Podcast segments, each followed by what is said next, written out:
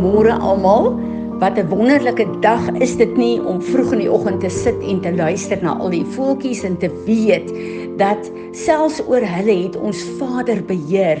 En uh, as ek kyk daarna, dan is dit vir my elke dag 'n vreugde om te weet. Psalm 105 sê dat ehm uh, uh, sy oë is op ons ook ehm um, dag en nag en wat vir my uh, so awesome is om te weet dat alles wat ek en jy in hierdie dag gaan doen, gaan hy uh saam doen en uh ja dat hy net so teenwoordig in ons lewe is en dat alles wat ons doen so vir hom saak maak.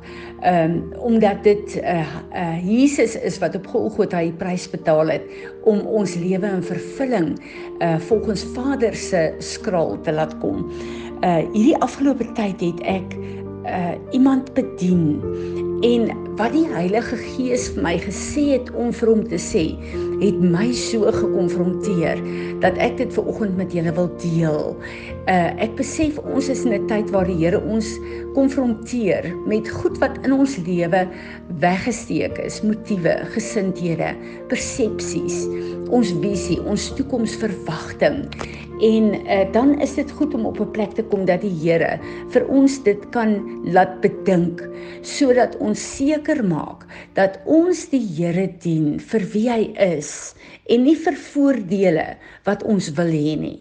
En uh, terwyl ek hierdie persoon bedien het, hierdie persoon het geweldig offens geneem in die Here. Omdat uh uh die persoon gevoel het ehm uh, sy hele lewe het hy probeer om die Here te gehoorsaam. En uh selfs as 'n jong persoon het hy uh geen voorhuwelikse seks gehad nie want hy het hom rein gehou omdat die woord dit sê en ehm uh, hy het uh, sy bes probeer om die Here te dien. En nou is hy op 'n plek in sy lewe waar 'n klomp goed verkeerd is en hy voel hy die Here so gedien en alles gedoen wat die woord gesê het. En waar's die Here nou? En hy het geweldig aanstoot in die Here geneem. En natuurlik blok dit sy verhouding met die Here onmiddellik, maar nie net sy verhouding met die Here nie, maar ook sy verhouding uh in elke verhoudingsvlak waar hy verhoudinge het op hierdie stadium. En uh terwyl ek luister en terwyl ek vir hom bid oor al hierdie goed en terwyl hy vir my sê ja, maar die Here kon uh, vir hom deurgekom het. Die Here kon sekere goed gedoen het en hoekom het die Here sekere goed toegelaat? Ehm um, het ek vir hom gesê dat hier is 'n groot offens wat jy in die Here het en ons sal hierdie offens mee moet deel. En uh dit is so moeilik want jy sit met 'n realiteit van sekere goed in jou lewe, maar jy sit ook met die realiteit dat jy regtig waar probeer het om die Here te gehoorsaam en te behaag. En die Here gee vir my die gedeelte van Johannes die Doper. Nou ehm um, ek gaan net vir ons lees Lukas 7 van vers 18 af. John's disciples brought word to him in prison. Of all these things, John called two of his disciples and sent them to the Lord, saying, Are you the expected one, the Messiah? Or should we look for someone else? So the men came to Jesus and said, John the Baptist sent us to ask you, Are you the expected one, the Messiah? Or should we look for someone else? At that very hour, Jesus healed many people of sickness and infirmities and evil spirits, and he gave the gracious gift of sight, sight to many who were blind.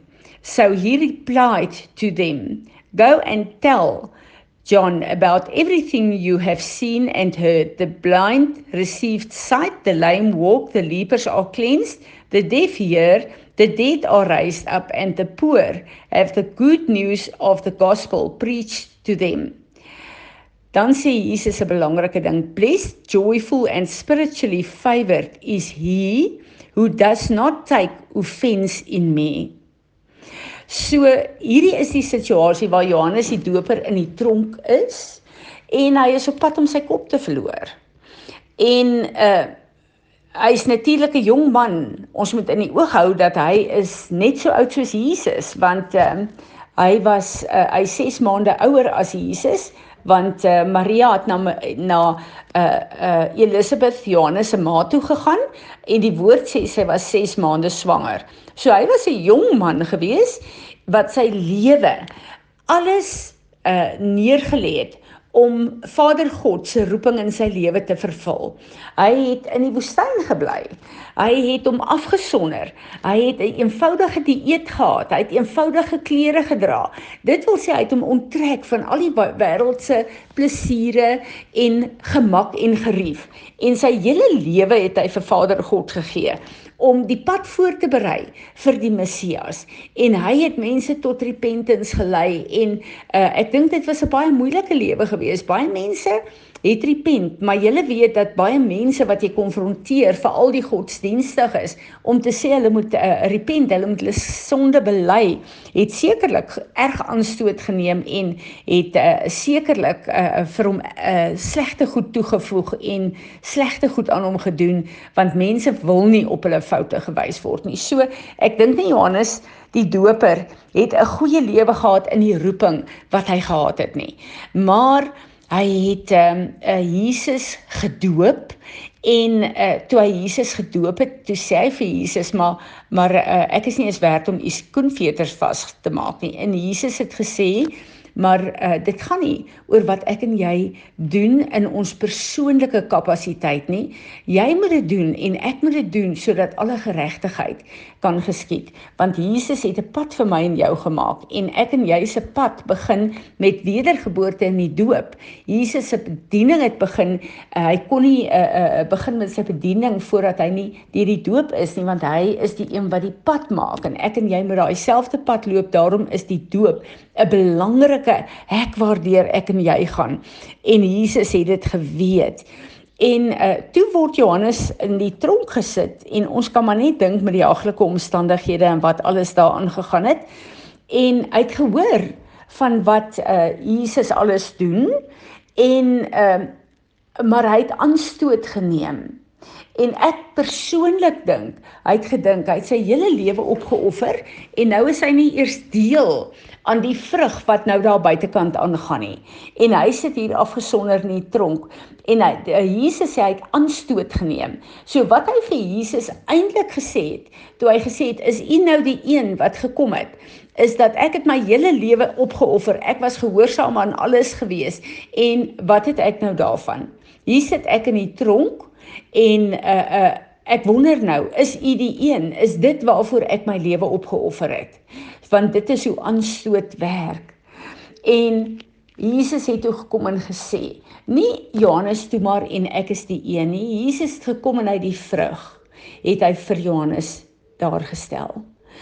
En ek wonder of Jesus daarmee vir hom wou gesê het Johannes, uh ek is die vrug van jou bediening en van jou lewe. So die vrug wat jy sien is die vrug van die koninkryk van God. En ons kan baie woorde vir mekaar sê. Ons kan baie offens hê, ons kan baie woede hê, maar die vrug wat daar is, spreek van die goed wat manifesteer fisies en in die gees. En hier is Johannes op die plek waar hy sy kop gaan verloor. En waar sy lewe en sy bediening op aarde klaar is en hy neem aanstoot in die Here.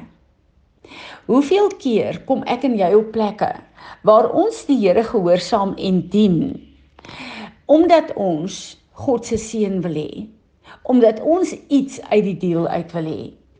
En hierdie het my tot stilstand geruk en gedink, Fransie, hoekom is jy in die bediening? Hoekom doen jy wat jy doen?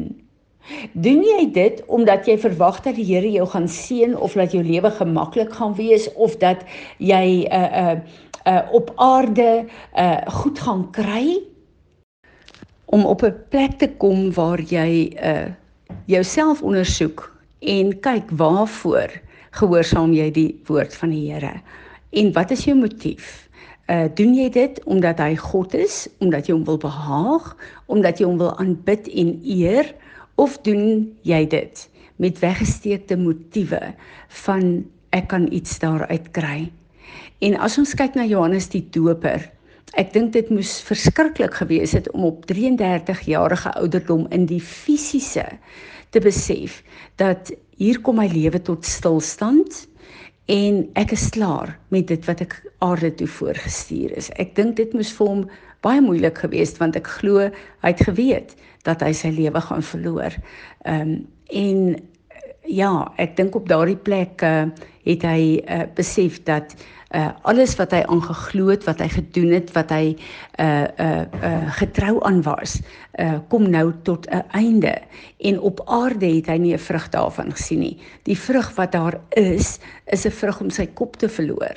En dit was ook letterlik 'n profetiese aksie van 'n ou bedeling wat gesterf het in 'n nuwe bedeling in Christus wat uh wat uh, uh begin het uh hoe moeilik is dit net nie? En dan luister ons na die woorde van Jesus. Jesus wat kom en wat sê daar's niemand groter as Johannes die Doper nie.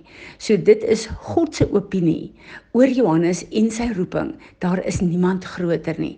Hy was so getrou en hy het alles afgehandel wat hy moes afgehandel het. Maar van Johannes se kant is hy op 'n plek waar hy offens het en dink maar dit kan tog nie wees. Wat dis tog nie my beloning vir alles wat ek gedoen het nie En ek het daardeur besef julle, uh, wat is ons motiewe? Ons het so 'n perspektief van hier op aarde is my lewe belangriker as my ewigheidslewe. En uh, ek bid dat die Here ons sal help dat ons motiewe om hom te dien uh sal wees om hom te aanbid in ons goed en in ons sleg en om met alles wat ons doen en sê en veral wat ons dink dit is so belangrik om hom daardeur te aanbid want onthou uh Johannes die Doper het nie in soveel woorde al die offens uh as offens laat uitkom nie. Maar Jesus het geweet wat uh in sy gedagtes aangegaan het. En uh baie keer dan dan uh het ons hierdie inner conversations met onsself en wat by ons mond uitkom is dan uh letterlik wat ons ehm um, in onsself mee saamstem en opinies wat ons het wat nie van die Here af is nie. So ek uh, bid dat die Here met julle sal praat ook hieroor en dat ons op 'n plek sal kom waar ons die Here gaan toelaat om ons motiewe te kom suiwer en uh, te kom reinig en te heilig sodat ons met opregte harte hier op aarde kan stap waarvoor hy ons geroep het. Piet, ek wil veraloggend vir jou vra om asseblief uh, af te sluit en vir ons te bid op hierdie moeilike, belangrike plek. Heilige Gees, ek hoef vir ons harte te harte te kom deur soek. Jy kom soek ons harte deur en en wys vir ons elke plek waar ons nie lekker is met U nie. Jy weet elke plek waar ons dink ons is okay, jy weet maar elke plek waar ons eintlik in offense is, eintlik 'n verskriklike weerstand teen U het. Jy eintlik 'n harde hart teenoor wie het. Jy weet vir wat se rede ook al. Wil kom wys ons ons motiewe, kom wys vir ons wat in ons eie lewens en ons eie harte aangaan. Wil help ons om hiermee te deel. Wil vat ons hierdie stap vir stap en help ons om om waarlik op 'n plek uit te kom waar ons U dien vir wie U is en nie wat ons uit die deel uit kan kry nie. Heere. Jy weet ons onsself so regverdig nie, dat ons onsself nie so groot maak en in ons eie persepsie goed sal wil hê nie, Here.